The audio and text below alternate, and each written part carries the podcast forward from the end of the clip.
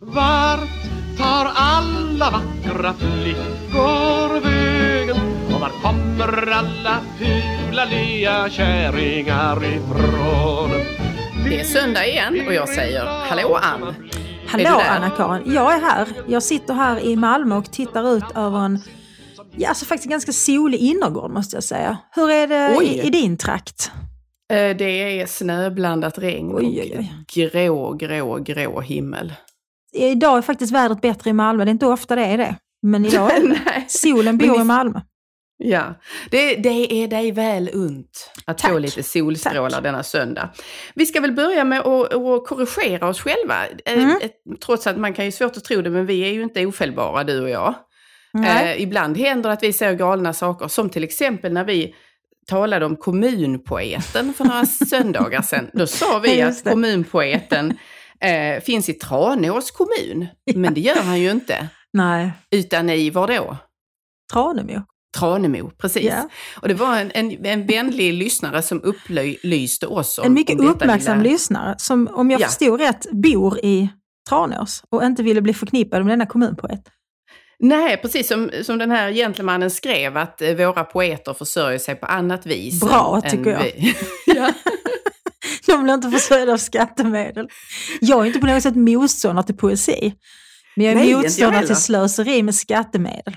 Jag tänker kan kan bli lite tvånigt också kanske att känna att man ska skriva dikter om kommunen specifikt. Ja, men jag vet inte, förr så hade ju makthavare sådana här barder, eller hur? Just det. Ja, som Ja. besjöng deras storhet och så vidare. Det är lite som, eh, som liksom gängkriminaliteten har idag. Alltså där har man ju de här olika artisterna, allt vad de nu heter, så blir de skjutna till höger och vänster. De, de Ja. besjunger ju också olika kriminella gäng och berättar om deras förtjänster och hjältemod och sådär. Så att ingenting är nytt under solen.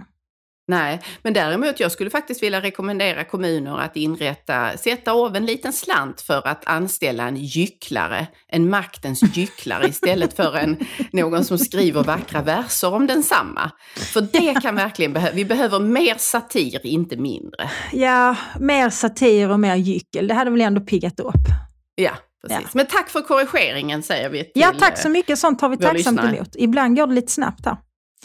Det är väl dags också att irritera sig, Anna-Karin. Ja. Ska jag börja att irritera mig? Vad har väckt din vrede denna vecka? Ja, alltså det är väl som vanligt ganska mycket som har väckt min vrede. Men det som jag är akut irriterad över nu, det är faktiskt mina naglar. Jag går ibland på sån här salong, eh, som de som jobbar där kallar det för gellack. Jag har alltid kallat det för gellack själv. Men det här jävla gellacket, det går inte av med någonting. Och det gör liksom att man tvingas gå tillbaka till samma salong och betala 375 kronor igen. Och nu har jag tänkt så att nej, aldrig mer. Därför jag vill Nej. inte. Jag, jag, jag målade mina naglar mycket röda precis innan jul. För att Ja. jag ville ha eh, julröda naglar av Ja, det var vackert, jag liksom. såg det. Jag såg det. Ja, Det de var snyggt. ju fina då. Men sen så Mm. går det inte att ta bort med någonting man kan köpa i en vanlig affär. Liksom blekmedel, aceton, ingenting fungerar. Utan det måste växa ut. Eller så kryper man till korset och går till den här salongen och gör om det. Men då är ju samma sak igen efter ett par veckor så är man fast i ett fruktansvärt missbruk av sån här Ja. ja. gellack. Och det, det alternativ- det retar Ja, det- mig. Det är Det fult. förstår jag. Jag vill, jag vill ha bort det. Det enda alternativet är då att man liksom kanske eventuellt klämmer alla fingrarna väldigt hårt och de blir blåa, blåa och trillar av. Ja. Ja, det är ändå rätt så drastiskt. Vadå, du kan väl bara ta bort alla naglarna? Ja, men det är en bra idé, Anna-Karin. Jag drar av naglarna.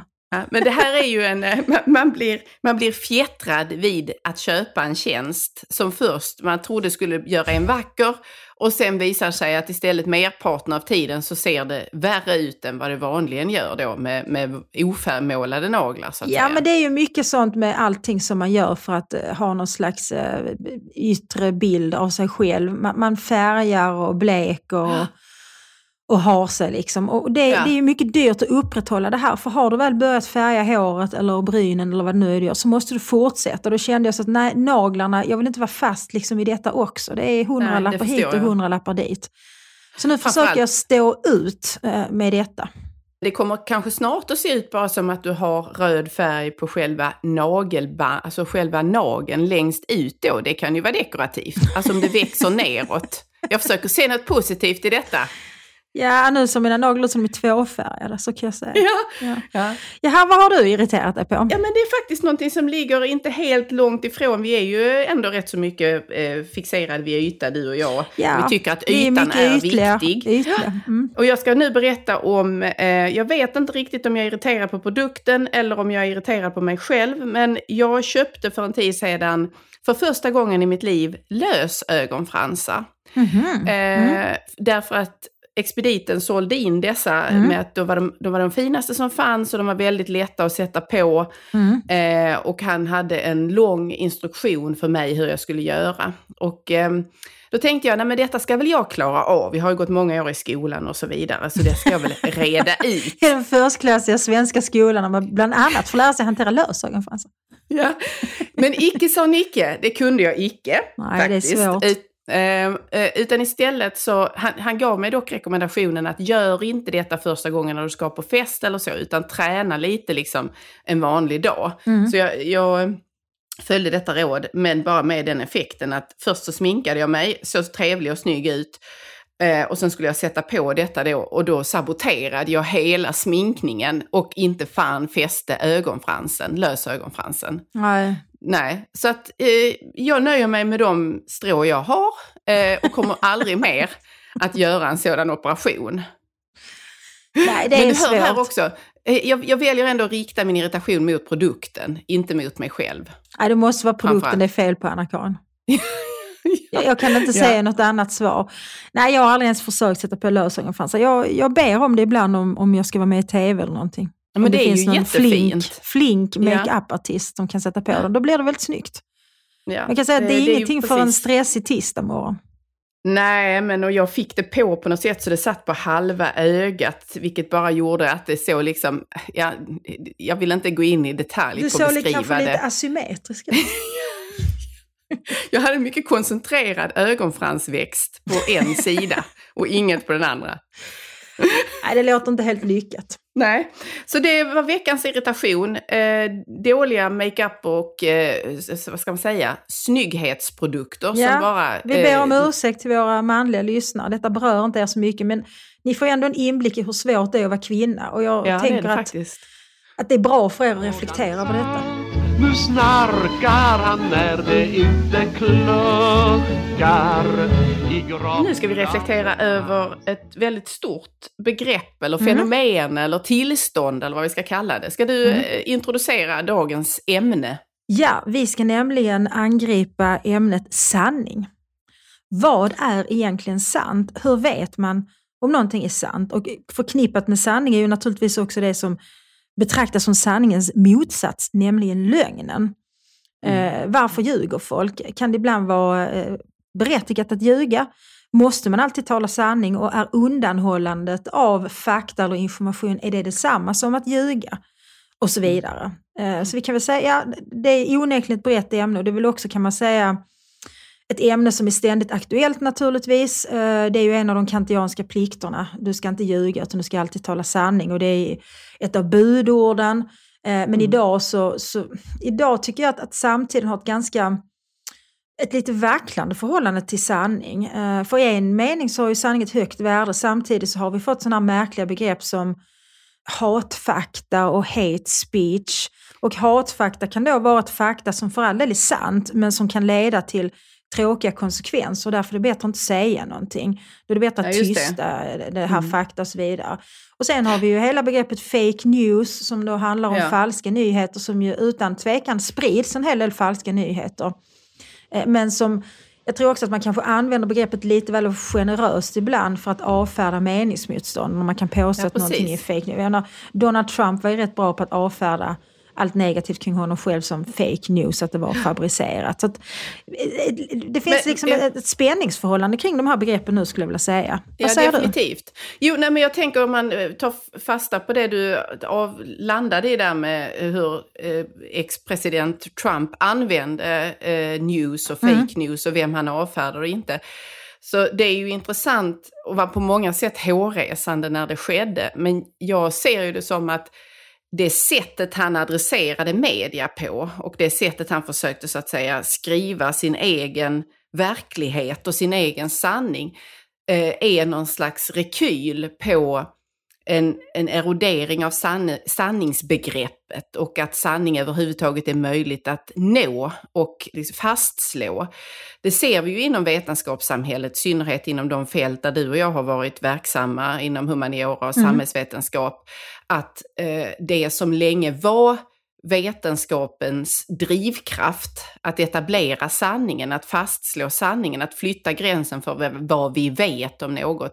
Det blir då plötsligt någon, någonting annat där det inte är givet att man kan nå ett sådant tillstånd, inte ens temporärt, utan sanningen är alltid, det tjänar någon, det tjänar en viss falang eller en viss verklighetsbild.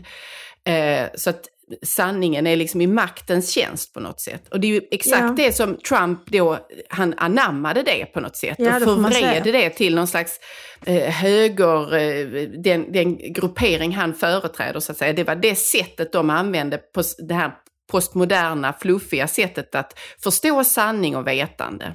Mm.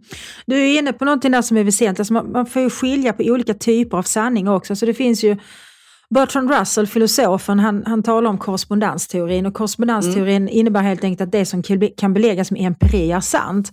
Jag tittar ut genom, mina, genom mitt fönster här idag och ser att solen skiner och då kan jag säga med fog att det är sant att det är soligt idag, det är fint väder och så vidare. Mm. Och vetenskapliga sanningar är ju empiriska sanningar i den meningen att de är verifierbara eller falsifierbara, det vill säga du kan bevisa att det är på ett eller annat sätt. Mm. Men det som som vi är inne på nu också, som Donald Trump säkerligen är inne på också, det är ju inte de vetenskapliga eller empiriska sanningarna, utan det är ju snarast någon slags vad ska vi säga, värderingsfrågor. Eh, jag ja. menar, du kan påstå till exempel att, eh, låt säga att eh, Brad Pitt är den vackraste människan, mannen i världen.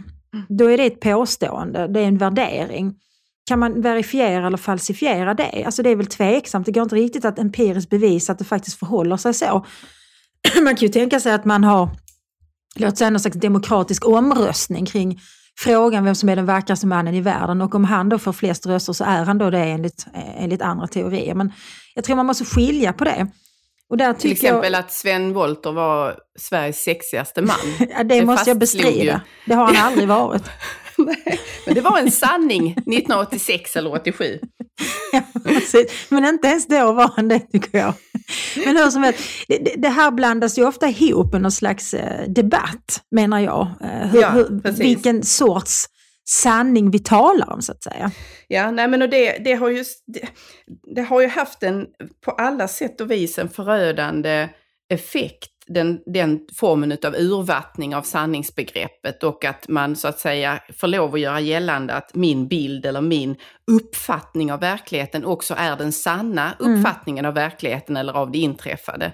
Jag eh, roade mig för en tid sedan med att sitta och titta i skolors styrdokument för eh, konflikthantering och så. Och där mm. jag då, eh, alltså om det blir ett tillbud, om två elever bråkar och slåss med varandra och sen ska detta utredas då. Då står det inskrivet, inte alls ovanligt att det då i styrdokumenten står inskrivet att alla har rätt till sin version av det inträffade och sen alla har rätt till sin sanning. Och det innebär ju att skolan kan aldrig, precis som du sa med vädret utanför ditt fönster nu, mm. eller om att solen skiner eller inte, så kan alltså inte den lärare som har stått och betraktat detta bråk och som såg vem som slog först och så vidare, kan inte säga det var så här det var, detta skedde, du gjorde det eller du gjorde fel först. Utan alla där inblandade har rätt att så att säga säga, men jag, nej, det här var min bild av det eller jag, så här var det enligt mig. Och överfört till en undervisningssituation mm. när man talar om eh, alltså laddade skeenden i historien eh, eller där det kan finnas konflikter kopplade till vem som gjorde rätt eller med så krigssituationer eller något liknande, så kan ju det bli oerhört infekterat om man då har gett en del av makten till eleverna att kunna eh, få lov att ha sin sanning om det inträffade eller vad som skedde. Ja, alltså det där, jag jag, jag det är en farlig ju... väg. Alltså jag, jag försvarar icke detta på något vis. Jag tycker det är, det, det är ett mycket märkligt sätt och det är en slags falsk demokratisering också i det. Eh, ja, men alltså, det, det, ge... det är ju också någon slags idé om att sanningen ska vara moralisk och att alla har rätt till sina perspektiv. Och så är det ju naturligtvis. att men alltså, om jag pratar med min bror om vår barndom så kan vi prata om samma semesterresa. Vi minns ju den på olika sätt naturligtvis. Mm. Så det innebär inte att en av oss ljuger utan det är bara det att, att, att vi noterade olika saker, fäste oss vid olika saker och såg det från olika håll så att säga.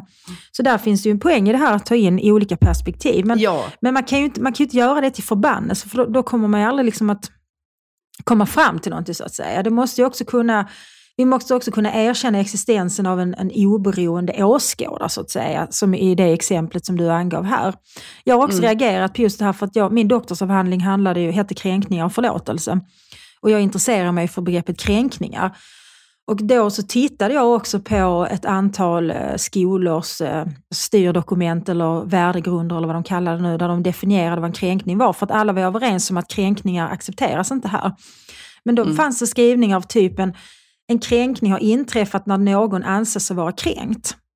Och det är ja, ju helt det. Mm. orimligt att påstå att en kränkning har inträffat när någon anses sig vara kränkt. Därför att dels kan det vara så att, att en del elever eller människor i största allmänhet anses vara kränkta på väldigt diffusa skäl. Medan det största problemet är ju att de som faktiskt blir kränkta, alltså elever som kanske under mycket lång tid har varit utsatta för trakasserier, de upplever sig inte alltid kränkta. Mm. Därför att det har blivit en sån... Liksom, normaltillstånd. Det har blivit ett normaltillstånd för en elev som varje dag får höra att han eller hon är värdelös eller tjock eller äcklig eller vidrig eller vad det kan vara. Så att hans eller hennes självrespekt är så sänkt och så skadad så han eller hon upplever sig inte kränkt längre utan skäms snarare. Eh, och då, yeah. är man inte, då är man liksom inte så benägen att gå och klaga över att man blir kränkt. Och just därför så är det oerhört viktigt att det finns oberoende åskådare som säger att det här är fel, eh, nu kränker du den här klasskamraten, detta kan vi inte acceptera. Och då är det ganska ointressant om, om, mm. om mobbaren liksom om mobbaren då kommer med sitt perspektiv, att jag tyckte att hon tittade på mig. Alltså, det mm. blir ju orimligt att, att den ja. personen då har rätt att påstå sig vara kränkt. Så, mm. och det är ju en del i hela den här förflackningen av sanningsbegreppet. Där det har blivit så oerhört viktigt att alla har rätt till sin sanning och sin berättelse och sina perspektiv. Och det är ju liksom ja. i, i, den större, jag tycker ofta att, att skolan och skolgården är som ett mikrokosmos av samhället i stort. För den här diskussionen pågår ju också i en samhällsdebatt där vi talar om världsbilder. Mm. Där vi talar om olika världsbilder som, som kämpar om tolkningsföreträdet. Mm. Och det utgår ju från en idé att det finns inte en sanning, eh, vilket ju förvisso finns en viss rimlighet i, utan ja. det finns flera olika sanningar och då så handlar det om vilken sanning som ska dominera samtalet så att säga.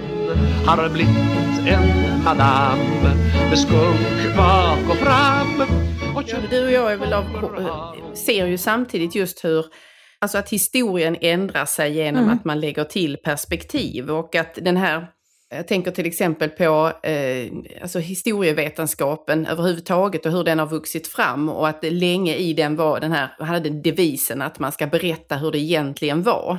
Mm. Eh, från Rankes devis då, att där det var viktigt att lägga sig så nära källorna som möjligt och sen inte så att säga eh, låta beskrivningen färgas av nuet utan man skulle förstå det förflutna på dess egna premisser och så vidare.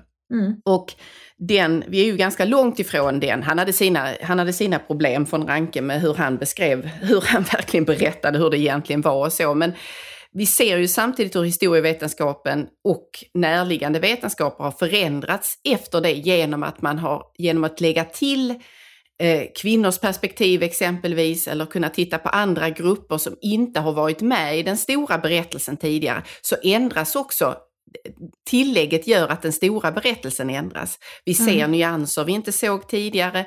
Vi ser eh, hur livet uppfattades eller hur en viss händelse förändras genom att de här perspektiven kommer till. Och det är ju en viktig sak att göra det. Det är ju också mm. forskarens, eller det är också en mm, del i att etablera sanningen. Ja.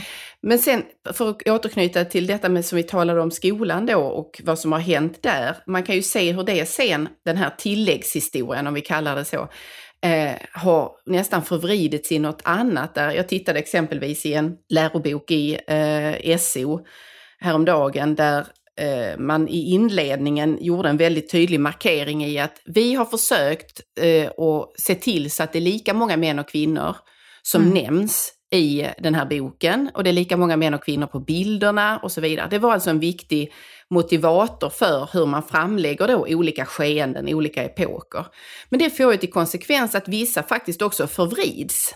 Därför mm. att det finns inte så många kvinnliga källor att hämta ur där. Man måste då lyfta upp, upp personer som kanske egentligen var högst perifera och som inte hade stor betydelse för det stora skeendet. Men man gör dem betydelsefulla därför att då har man en så att säga en jämställdhetsintegrerad lärobok. Och är mm. det sant eller är det att förvrida hur det egentligen var? Men det är ju att förvanska historien. Jag, jag skrev för många år sedan en lärobok i etik som heter Människa, moral och mening som då användes på A-kursen i etik eh, på universitetsutbildningar. Och då gjorde jag själv en reflektionen att den första kvinnan nämndes på sidan 32 i min bok, mm. vilket var ganska långt in i boken så att säga. För att min, lärobok är ju dels en idéhistorisk redogörelse för liksom stora drag i, västerlandets eh, filosofiska tradition. Men sen är det också ett antal diskussioner kring, kring eh, mer liksom aktuella etiska debatter och så vidare. Och då reflekterade jag kring det, men jag, jag gjorde ju inte så att jag försökte leta upp liksom någon okänd moralfilosof någonstans som var kvinna för att peta in, utan menade att detta är också en bild av att den västerländska filosofihistorien har ju varit androcentrisk, det vill säga ja. att den har ju skapats av män utifrån mäns förutsättningar och på mäns villkor. Och det är ju därför som vår människosyn och vår uppfattning om handlingsregler, rätt och fel, alltså det, det, är ju, det är därför det ser ut som det gör.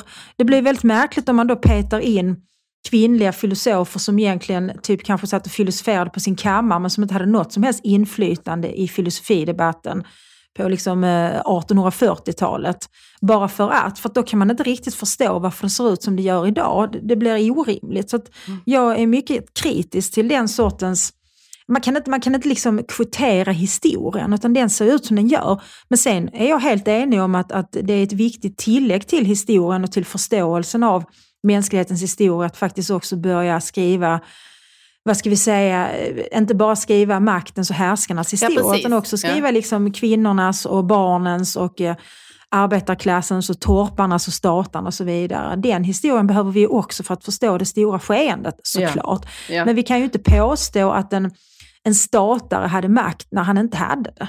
Det går Nej. inte.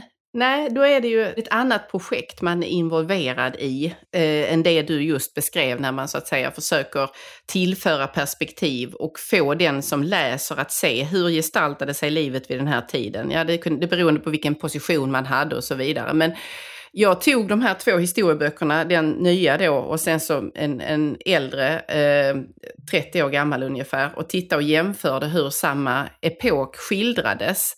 Och där den äldre boken blev mycket begripligare mm. i genomgången av de politiska skeendena och så vidare, därför att den den lyckades fånga vad var väsentligt, vad hände och varför hände det. Medan den andra, den var ju trevlig och den eh, var berättande, närmast sagolik, eh, liknande en saga. Men den den skapade inte för läsaren, en, som inte kan detta från början, en möjlighet att förstå hur såg det politiska maktspelet ut. Därför att det var liksom andra Nej, aktörer precis. in. Mm. Men då blir det ju ett moraliskt projekt istället. Alltså då blir det ju återigen, då handlar det om värderingar och det handlar om att skapa värderingar och det handlar om, om, om normer och så vidare. Det handlar om att ja. anpassa sig till till samtida krav snarare än att berätta vad som faktiskt skedde.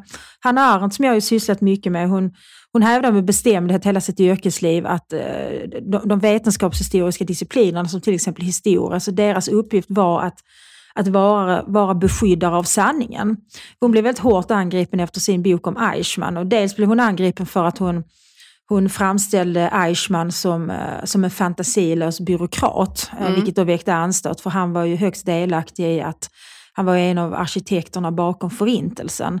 Och då fanns väl ett behov naturligtvis av att se honom som ett monster, alltså att demonisera honom. Men det hon såg när hon bevakade rättegången mot honom i Jerusalem, där han stod anklagad för brott mot mänskligheten, var just en fantasilös byråkrat. Men det som jag tror var den starkaste kritiken mot hennes bok, Den banala ondskan, det handlade snarare om hur hon eh, framställde de judiska rådens roll i förintelsen där hon kritiserade de judiska råden på många platser i Europa för att de hade samarbetat med nazisterna genom att mycket samarbetsvilligt lämna ut adresslistor till, eh, medlemmarna, ja. var de mm. bodde, vilket ju naturligtvis underlättade för de här räderna där man, där man mm. liksom hemsökte judiska familjer och körde iväg dem till arbetsläger och interneringsläger och koncentrationsläger och så småningom också förintelseläger. Och det, det blev ju människor väldigt upprörda över för att det fanns ju också ett behov av i den här berättelsen att dela in människor i, und, i onda och goda. Alltså, världen och historien är ju sällan så enkel. Därför de judiska rådens agerande, det bidrog ju tyvärr till, eh, det fick ju väldigt dåliga konsekvenser får man väl säga. Och då tänkte väl Hanna Arendt, och det tänker jag också, att det var viktigt att lyfta den saken, därför där kan vi dra lärdom framåt. Att kanske ska man inte så naivt och välvilligt lämna ut den sortens information om man har skäl att tro att det kanske inte hamnar i rätt händer. Nej. Mm. Så det blev hon väldigt attackerad för och det är väl, vad ska vi säga, det, det ligger väl i linje med en del vad ska vi säga, empirisk fakta som finns idag som, som avfärdas som hatfakta, till exempel om den sortens fakta som finns om eh, hur lång tid det tar till exempel för en invandrare att komma i arbete och bli självförsörjande. Det, det är den sortens fakta som, som inte alltid mottas välvilligt i den svenska debatten för man menar att det kan leda till till fördomar och, och liksom, eh, ovilja ytterligare mot invandring. utestängning. Ja, precis. Ytterligare mm. utestängning och att det mm. kan, kan bekräfta ditten och datten och så. Eh, jag tror, där är jag mycket kantiansk, att jag tror att, att det är viktigt att faktiskt tala sanning och att berätta det man vet och att förhålla sig till fakta som neutralt. Eh, men det är ju det den här gruppen människor som pratar om hatfakta menar att fakta är aldrig neutralt. Nej, precis. Inte heller forskare är ju objektiva och neutrala. Nej. Utan även en forskare, en, en akademiker av något slag, en professor eller docent har ju sina egna personliga preferenser mm. som ju naturligtvis påverkar hur man tolkar ett material. Men, men en sak som man ju måste komma ihåg alltid när man talar om, och nu, nu är kanske inte framförallt liksom den sortens empirisk sanning som vi talade om inledningsvis, utan en annan typ av sanning eller fakta, det är att hur man ställer frågan påverkar också vilket svar man får naturligtvis. Mm. Och med det kan man ju få fram olika typer av av resultat som sen kan hävdas vara sanna eller falska. Och sen är jag också väldigt kritisk till hela det där, det, det finns en märklig, vad ska vi säga, experttrio i Sverige som samtidigt är väldigt föränderligt. Därför när media utnämner experter så är det väldigt tydligt också att de värderar individens eh, på något vis eh, moraliska halt på något vis. Att, ja, att om en person, mm. jag tänker om mm. det här, nu är det oerhört känsligt att ge sig in i debatten om covid, det ska vi inte göra. Eh, mm. Vi följer bara Folkhälsomyndigheten. Men när det fanns människor som faktiskt hade relevanta kunskaper som var de här tolv professorerna eller vad man kallar mm. dem, som då kom med invändningar mot strategin och så vidare, då avfärdas ju de som foliehattar. Ja. Och det är ju så märkligt för att de var ju lika mycket Eh, bakteriologer eller immunologer som, som de som då så att säga sa rätt saker. Men det var mm. omöjligt att ta in det de sa. Och samma, samma fenomen har vi ju i frågan, alltså klimatfrågan. Att mm. Där är det väldigt tydligt också vilka forskningsresultat och vilka uppfattningar och slutsatser som är önskvärda och vilka som inte är det. Själv tror jag att vi alla skulle vinna på att låta samtalet breddas och att ta in olika typer av av eh, resultat och röster och slutsatser och så vidare. Ja, framför, jag tänker så här framförallt att jag blir alltid skeptisk när det jämt är samma expert. Samma, mm. alltså det finns ju en så stor mängd forskare, välrenommerade sådana. Alltså jag, jag talar inte om att ta in någon i öligan, utan det, man talar om toppskiktet inom en mm. viss ämnesdisciplin då. Eh, så finns det ju ändå ett flertal. Men det är så märkligt att det ofta, och detta är ju framförallt tydligt inom public service, att man då anlitar samma expert i, eh, inom just, det är en person på krim, inom eh, kriminologi exempelvis, det är en mm. person inom bakteriologi och så vidare och så vidare. Jag mm. skulle önska att det fanns, eh, det borde åtminstone finnas en handfull olika som kunde komma till, få, få ge sig utrymme och komma till tals och som kanske ibland i vissa frågor inte var eniga i mm. hur man skulle beskriva ett visst fenomen eller förstå en viss förändring i samhället. Och det är ju också ett sätt att, liksom, det är ju så det akademiska samtalet egentligen går till.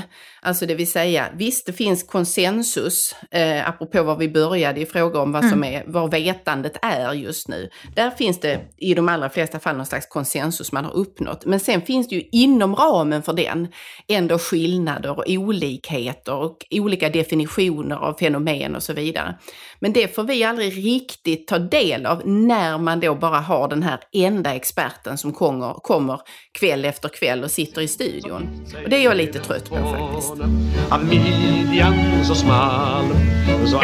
Snart startar vår stora färgfest med fantastiska erbjudanden för dig som ska måla om. Kom in så förverkligar vi ditt projekt på Nordsjö Idé och Design. Royal Säg vem Jag, jag tänker, vi har, nu har vi rört oss mycket inom vetenskapssamhället. Ska vi tala lite om sanning och politik? Sanning Ja. och politiker. För jag, nu i senaste veckorna har ju exempelvis eh, en eh, eh, tjomme som Boris Johnson varit väldigt mycket på tapeten. Och Mm. hans förhållande till faktiskt sanning lite, skulle jag säga. För han har ju hållit på, eh, om jag förstår det hela rätt, och den rapporten som har framlagt, så har han ju haft eh, väldigt halabaloo på 10 Downing Jag älskar Street. att du använder ordet halabaloo. Ja. Eh, och Whitehall, eller vad det heter, där i Ja. regeringskvarteren.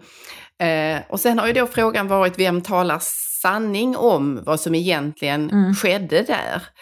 Eh, och där väl, som läget är just nu, så, eh, så är det korrekt så som det har beskrivits att de har haft den här, en oändlig räcka fester när hela eh, landet var nedstängt eh, och hade någon slags Alla satt hemma och såg på tv utom Boris Johnson och hans politiska stab som hade garden parties hela tiden. Ja, men de hade till och med, alltså det tycker jag är min favoritfest av jag har gått igenom listan på alla fester de har haft. Och, och min favoritfest måste vara den här när de hade en, en, en avtackning med alkohol och, och buffé typ. Jaha. För den personen som var chef för staben som utfärdade covid-restriktionerna. Nej, herre Jo. Jesus. Ja, det är absurt.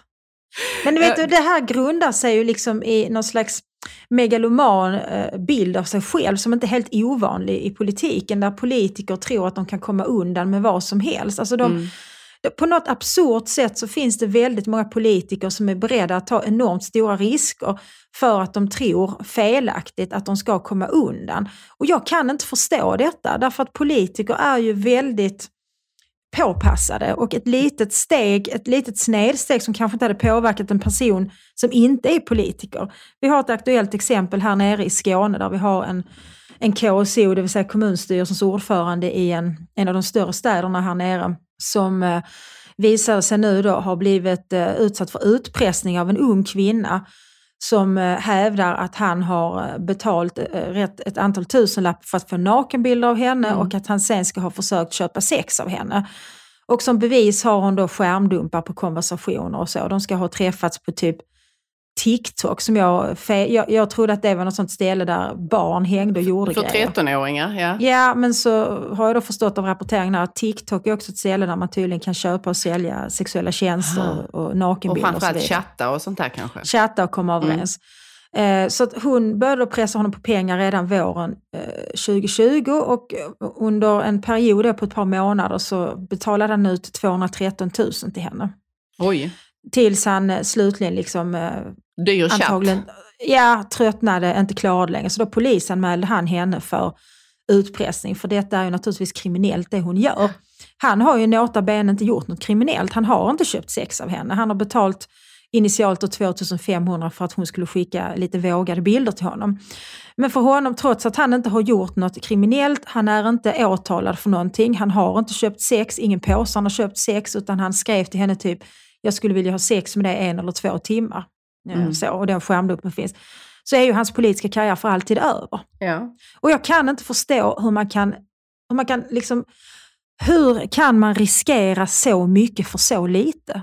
Det, det måste grunda sig i en totalt vansinnig bild av sig själv som nästan, vad ska vi säga, osårbar.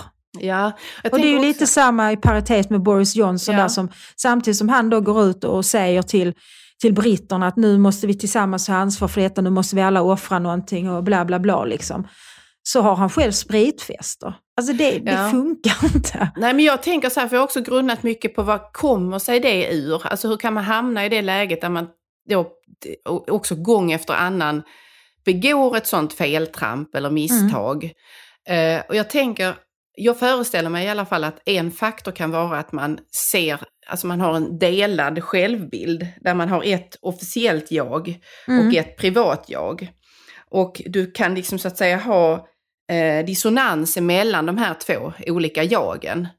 Men därför att du är helt övertygad om att ditt privata jag aldrig kommer att komma ut. Jag förstår inte det heller. Jag, jag tänker att det, i detta finns det också någonting där det finns ett nära nog förakt för lyssnaren, tittaren, väljaren, människans vad de kan förstå och se och, och hur de kan syna din bluff. För jag tänker att vi har ju i Sverige flertal politiska skeenden där vi ser väldigt snabba positionsförflyttningar. Mm. Mm. Eh, där man försöker skriva om sin egen historia och vilka ställningstaganden man tidigare har gjort. Och så plötsligt så hävdar man att man har hela tiden tyckt något annat än det, det som finns så att säga på band att man har tyckt. Mm. Det som finns dokumenterat. Ett, ett sådant exempel är ju hur talet om hedersförtryck och hedersnormer och varför det tog så lång tid i Sverige för Mm. oss att komma igång och göra någonting åt att väldigt många unga människor lever under ett sådant förtryck. Där det nyligen sändes en, en eh, dokumentär om, med anledning av att det var 20 år sedan Fadime mördades av sin far. Där Mona Sahlin och Morgan Johansson talar om, eh, beskriver sig själva som att de tryckte på för att man skulle göra någonting åt detta. Ja, det är rent Eh. häpnadsväckande och, och Ja. direkt liksom, eh, alltså det, det, får, det är vidrigt att lyssna på. Ja, för att då talar de i den här dokumentären om att det fanns krafter i partiet, alltså i det socialdemokratiska partiet, som inte ville göra någonting åt detta. Där de själva då framställer det som att de har hela tiden ryckt, räckt upp handen och sagt att vi måste göra något, vi måste göra... De har, Mm. jag menar, i synnerhet Mona Sahlin ville ju inte använda ordet hedersförtryck och hedersnormer. Hon hade eh, utredare i sin stab som eh, Masoud Kamali, heter han, heter han väl, heter han väl, som eh, har ägnat mycket stor del av sin liksom, gärning åt att argumentera mot dem som använde det här begreppet och beskrev och talade om den typen av könsförtryck. Så det är, det, där är det ju liksom, man försöker etablera en ny sanning Mm. eh, om sig själv och om det förflutna på ett sätt som innebär att man också föraktar den, näst, nära nog föraktar den som lyssnar och som var med samtidigt, som har en helt annan bild. Mm. Hur, hur Nej, men ska alltså man det, förstå det, det? sker ju, det sker ju helt ogenerat. Ja, och jag jag menar det värsta är att det verkar ju inte påverka folk därför att eh, jag vet inte, om, om det är liksom ett tecken på att människor egentligen lägger rätt så lite vikt vid vad politiker säger eller om det är ett uttryck för något annat. Därför att de här eh, olika typerna av, av lögner eller vad ska vi säga förvanskningar och omskrivningar av sanning och så vidare. eh, Det, det ger ju inte riktigt avtryck sen i valresultatet utan ja, det Nej, passerar bara. Men det är väl det som, alltså den andra sidan av detta är ju att minnet är kort. Och att man Ja. därför mycket väl kan lyckas med en sån här operation där man skriver om sin, sin egen historia, eller man skriver om hela historien, men framförallt sin egen roll i historien. Och att det kan ske med, med ej utan framgång. Och det kanske man lyckas med här också. Man, man Men- plockar det som passar för stunden och så Ja. vrider man till det lite så det passar de rådande normerna. Det tycker jag är, jag tycker det är ohederligt och jag tror att man ska hålla fast vid... Sen så, så är det klart liksom att, att vi får skilja på vad som är sant och vad som är uppfattningar eller värderingar. Därför Ja. värderingar som ju idag ibland liksom slås i huvudet på folk som sanningar ungefär. Det är också någonting som man faktiskt har skäl att ändra över tid. Därför att när vi möter nya erfarenheter eller får ny just fakta eh, eller får ett gott argument, då kan vi ha skäl att revidera tidigare värderingar och tidigare uppfattningar. Och så kan det vara just med hedersetikfrågan. Att, att eh, man Absolut. har förstått så småningom att det här är eh, ett reellt problem i Sverige som ser ut på ett lite annat sätt än, än den kvinnomisshandel och det kvinnoförtryck som naturligtvis också har funnits i Sverige. Men, men hedersförtrycket är en, en, en något annan nyans så att säga. Det kan ju tänkas att det har tagit tid att förstå det. Men då kan man ju inte samtidigt påstå att man, ja men jag har alltid tyckt så här, utan då får man ju säga det, när jag har fått ny information, jag har lyssnat på de här människorna, jag har läst de här böckerna och jag har förstått att det är ett utbrett problem, bla bla bla. Det Mm. är ett mycket hederligare tycker Ja, jag. precis. Jag menar, det, det måste man ju ha rätt som politiker att göra. Det tycker jag det, det gör ju snarare att min respekt eh, för vederbörande skulle öka istället om man kan göra den typen av omvärdering som också innebär ett visst mått av självkritik och självgranskning. Ja, det men nu är ju inne på något, på något intressant med självkritik och självgranskning. Därför att nu har vi pratat, vi har pratat om, om sanning i akademin och debatten och vi har pratat Mm. om, om politiker och, och deras förhållande till sanning. Men sanning och lögn är ju någonting som vi alla förhåller oss till också i våra privatliv. Jag tror att när det handlar om sanningar om det egna livet och egen, eget agerande och så, så, så tror jag att just det som du är inne på med självkritik och rannsakan och så, står i vägen för oss ibland. Mm, Därför att det kan mm. ibland vara smärtsamt att acceptera en sanning om sig själv. Ja, Som man precis. kanske måste acceptera för att kunna agera på ett annat sätt. Mm. Att kunna se sig själv i ögonen och eh, tillåta sig själv att förändra eh, saker och agerande som inte fungerar som de ska. Samtidigt så tror jag också att, att vi alla behöver våra livslögner på något vis. Ja, precis. Jo, nej, men det, och det, det tror jag med. Jag, jag tycker det är en, en vacker formulering som, em, om det är Ibsen som har sagt eller skrivit detta, eller om det är någon som har skrivit det om honom. Han har ju i flera dramer skildrat just det där med livslögnen och livslögnens betydelse. Mm. Och det, alltså det här med att om man tar en livslögn ifrån en genomsnittsmänniska så tar man i samma slag eh, bort hennes lycka. Precis, det är ja, Eh, precis. Och därför att vissa livslögner är det som gör att vi, att vi härdar ut eller att vi Mm. klarar av att fortsätta leva eller existera under vissa ibland svåra omständigheter och så. Och en av mina favoritdramer av Ibsen, Vildanden, handlar just Mm. om hur en eh, sån här genomsnittsmänniska då eh, lever i en livslögn av att eh, dottern Hedvig är hans dotter. Men det är inte hans dotter, det är någon annan som är far till den här Mm. flickan. Mm. Och där han blir utsatt för ett spel emellan två andra män då som hävdar att den här eh, farbrorn kommer att bli mycket lyckligare om vi berättar sanningen för honom.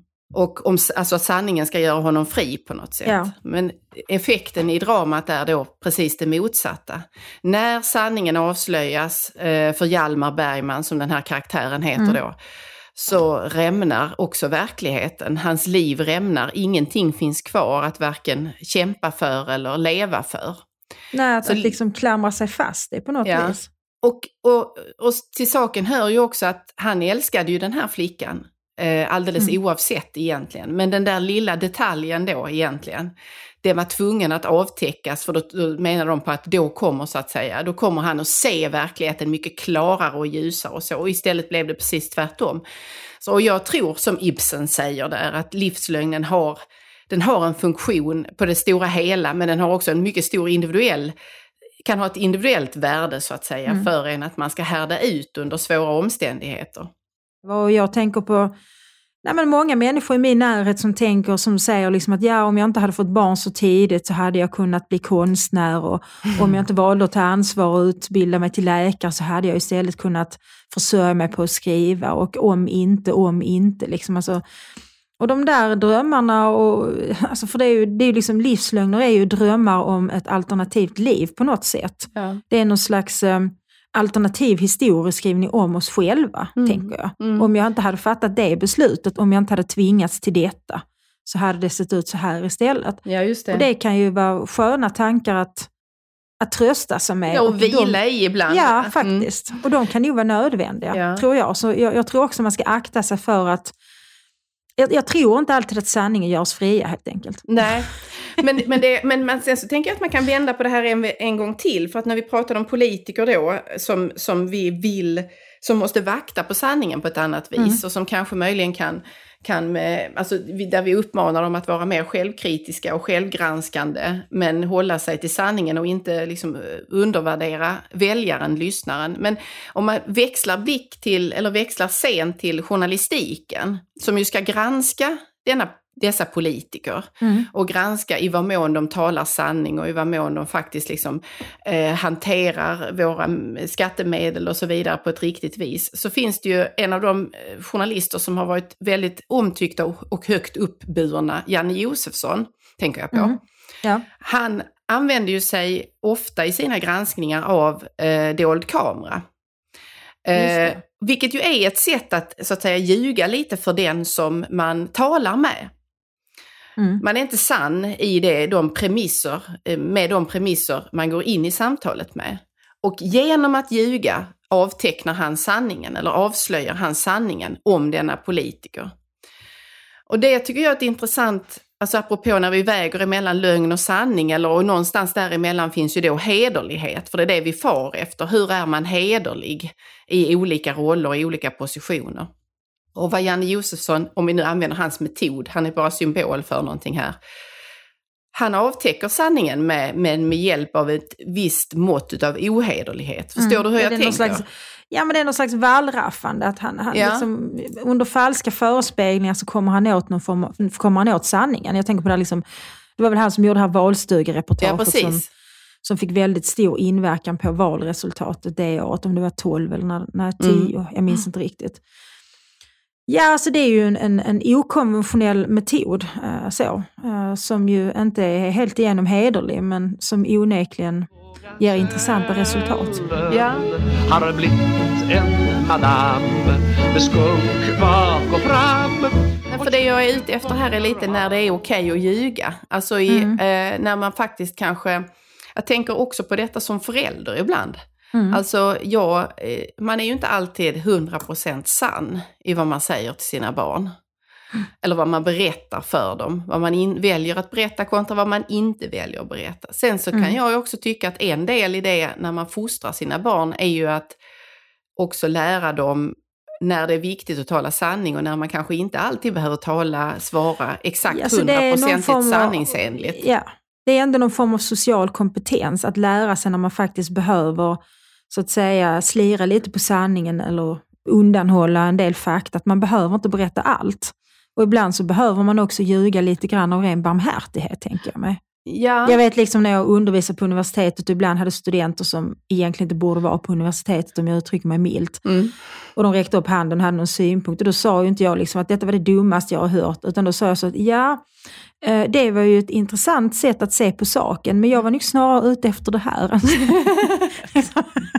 Den sortens omskrivningar behöver man ju ibland göra också för att skona ja, precis. människor. Och jag tänker också på, jag vet, jag, jag, det här är liksom ett sånt här dilemma som, som eh, uppkommer ibland i frågespalter och så, där en person då har kännedom att en, eh, en väninnas eh, eller väns make eller hustru är otrogen Mm. och brottas då med, med sig själv. Eh, bör jag berätta detta för min vän, att hans eller hennes partner här har en affär med någon annan? Och jag, jag har faktiskt svårt att förstå var detta sanningspatos kommer ifrån. Det är lite samma som, jag har några bekanta eh, som gör mig ofta väldigt irriterad genom att alltid skicka skärmdumpar till mig om någon har skrivit något ofördelaktigt om mig på Twitter eller Facebook. Ah, åh, det har jag Så också tänker varit liksom, med om. Ja. Varför behöver jag veta att den här människan skriver att eh, jag har feta armar eller att jag har fel om ditten eller datten? Alltså, jag, jag finns inte på Twitter till exempel. Jag har ingen som helst möjlighet att bemöta de påståendena och jag är inte intresserad av det heller. För varför skulle jag bry mig om vad liksom någon liksom människa i Korpolombolo tycker om mig? Det skiter väl jag i. Mm. Men när jag får de här skärmdumparna från de här nitiska vännerna så blir jag på så dåligt humör så hela den dagen är förstörd. Mm. Men det är människor som tänker liksom att det är viktigt för henne att veta. Ja, Och det förstår jag inte. Jag, jag förstår, Nej. ibland tänker jag liksom att det är väldigt bra att inte veta allt. Det är rätt Ja, skönt. nej, men det, jag, det, jag, är inte, jag har också fått sådana där skickade till mig och det, gör alltid, det kostar alltid minst en timme av mitt liv. Kan Ja. jag säga, eh, utan att ge någonting tillbaka. För att då blir jag på dåligt humör, jag ser, blir svartsynt. Eh, och sen så tar det, är det omöjligt att glömma det. Ja, men jag tänker också att den här så kallade vännen eller väninnan som skickar det gör egentligen det bara för att göra mig ledsen. Ja. Därför det är ju det enda som händer. Jag blir ledsen, jag, kan inte, jag blir inte gladare av det, jag blir inte klokare, eh, jag kan inte försvara mig. Jag bara känner så att ja, det är tråkigt att så många människor hatar mig. Ja, Och så ja. liksom, ja. Så att, eh, nej, sanningen är inte alltid jätteviktig. Att, eh, du får ibland undanhålla vissa saker utan att känna dig som en lögnare. Ja, Så kan man väl precis. uttrycka det. Så får man säga. Eller så, det, måste, det, det slår vi fast i söndagsskolan. Vi slår fast detta att ibland så, så kan andra värden eh, vara viktigare eh, och betinga ett, ett högre värde än just sanning. Till exempel vänlighet och barmhärtighet. Ja. Men det är, väl, det är väl en vacker avrundning på detta samtal om sanning och hederlighet. Vi kan väl, eh, jag kan väl fråga dig, liksom, eh, när ljuger du Anna-Karin, innan vi avslutar? Ehm, när ljuger jag? Ja, det är ju, det sker nog lite, Sker nog lite och lite i, i loppet av dag, ett par gånger kanske, var, varje dag skulle jag säga. Det, det kan ju handla om små fraser i, i affären eller i, i utsagor om mat eller i eh, vad som man får göra och inte får göra, som jag talar med väldig skärpa om till mina barn, där man kanske visst hade kunnat få lov att göra en viss sak, men jag tycker inte att man ska göra det och så vidare. Nej, men då Så att- använder du din makt som förälder och Ja, det vuxen. gör jag. Ja. Ja. Så att nej då, jag, eh, och jag måste nog ändå säga att jag tycker att det är, en viktig, det, det är viktigt i rollen som förälder att kunna lära sina barn att ljuga med viss finess. Och att eh, inte, men samtidigt inte utnyttja denna förmåga på ett sätt så att det skadar andra. Jag hade en, en situation här för en tid sedan då eh, ett av mina barn råkade ut för att eh, några kamrater försökte försätta det här barnet i en situation där man trodde att liksom, nu ska du tala sanning om vad du tycker om oss. Mm. Eh, Och försökte så- pressa och fram försökte det. pressa och var inte varse i vad mån vem som lyssnade på det här samtalet. Det här är ju någon sån sak som man kan råka ut för nu när vi har alla de här, som du sa innan, chattforumen. Mm. Eller att man har Facetime eller så vidare. Och man vet inte, finns det någon annan där som lyssnar? Mm. Eh, och i jakten på sanningen om vad de tyckte om varandra så använde de då lögnen som vapen. Nämligen Ja, att li, inte... lite, lite mini-wallraffande Ja. Lite exakt. Janne Josefsson light. Ja, och det, eh, det var en ganska, alltså det var en bra, ett bra skeende att vara med om därför att då kan man verkligen vända på detta. När, är det, när får man lov att inte säga sanningen och vad, Mm. hur måste man förvalta detta vapen? Att ibland kunna så att säga glida på vad man tycker eller säger och inte gör och inte säger och så vidare. Det där är Mm. svårt. Och någon gång kommer man att trampa i klaveret. Det har vi alla varit med om. Så är det. Ja. Jag ljög senast igår faktiskt. Om vad? Om vad? Eh, Kommer du avslöja det? Lite, ja, det kan jag göra för att jag avslöjade mig själv sen. Nej, men vi, eh, vi står lite i flyttagen här. Ja. Så min man har då tillbringat ett par dagar i vår nya bostad med att måla eh, väggarna. I bland annat köket. Och jag ville mycket gärna ha ett gult kök. Jag ville ha ett soligt gult kök. Mm. Åh, liksom en ja. varm, härlig gul färg. Och jag sa upprepade gånger att jag vill absolut inte, det får absolut inte gå åt grönt. Jag vill Nej. inte ha någon gul med grönt i. Nej. Och sen så kom vi ut där igår eh, och då liksom så ser jag direkt att där är grönt i den här jävla gula färgen. Ah. Och jag känner liksom ett ett mörker växa inom mig. Men så säger jag ändå till, till min man då, som har kämpat med att måla sånt, Mm. liksom att ja, det blir ju jättefint. Mm, Så ja. är det liksom falskeligen för att jag ve- vet att han har slitit med detta och jag vill inte såra hans känslor. Det var han som valde färgen för den är köpt där ute. Ja. Men sen så, när, så gick timmarna eh, och Och det medan min man växte inom målade- dig? Ja, det växte inom mig. Timmarna gick. eh, Min man fortsatte måla eh, en mycket fin mörkröd färg i vår salong. Ska vi ha. Mm. Medan jag och eh, dottern var på stranden och var och fikade och förlustade oss. Sen kom jag tillbaka framåt kvällen och då var det ju inget dagsljus utan då var det bara den kalla liksom, lampan i taket i köket. Och då var liksom väggarna nästan limegröna. Ja, Och då bara kände jag allt mitt mörker sprutade ur mig. Ja. Jag började gråta, jag satt på golvet och grät och sa jag kommer aldrig kunna laga mat i det här köket. Det är ju för fan grönt, det är ju grönt, jag vill ta ett grönt kök. Ja, så den lögnen lyckades jag inte upprätthålla. Men, men Va- jag är också glad för att jag faktiskt sa som det var. För att jag ska tillbringa mycket tid i det köket. Ja, jag vill inte ha ett grönt kök. Kommer det bli en annan färg nu då? Ja, men min man är oerhört förstående och vänlig. Så sa han så, ja men älskling, då målar jag om det och så får du vara med och välja den gula färgen. Ja. Det är också ju- svårt när man ser de där små jävla Ja, lapparna. Ja, det och så det. ska det appliceras på, liksom, jag vet inte hur många kvadratmeter det är, men det blir annorlunda på väggen. Och Erik Så vill det- ju det- gärna det äta löste sig. även fortsättningsvis. Ja, någon, gång- någon gång då och då tycker han att man kan äta. Men framförallt tror jag att han vill att jag ska vara glad. Ja. Så nu hoppas jag att det blir ett, ett soligt gult kök med pelargoner Sanningen i segrade. Sanningen Ja, segrade. så, I just detta fallet så segrade sanningen faktiskt. Men, eh, Hörru, du får ha en, eh, en bra söndag tycker jag. Detsamma och ni där ute, håll stilen både när ni talar sanning och när ni ljuger. Ljug med stil. Hej då! Hejdå! Vart tar alla vackra former vägen? Och var kommer alla hakorna på makorna ifrån? Snart startar vår stora färgfest med fantastiska erbjudanden för dig som ska måla om. Kom in så förverkligar vi ditt projekt på Nordsjö Idé och Design.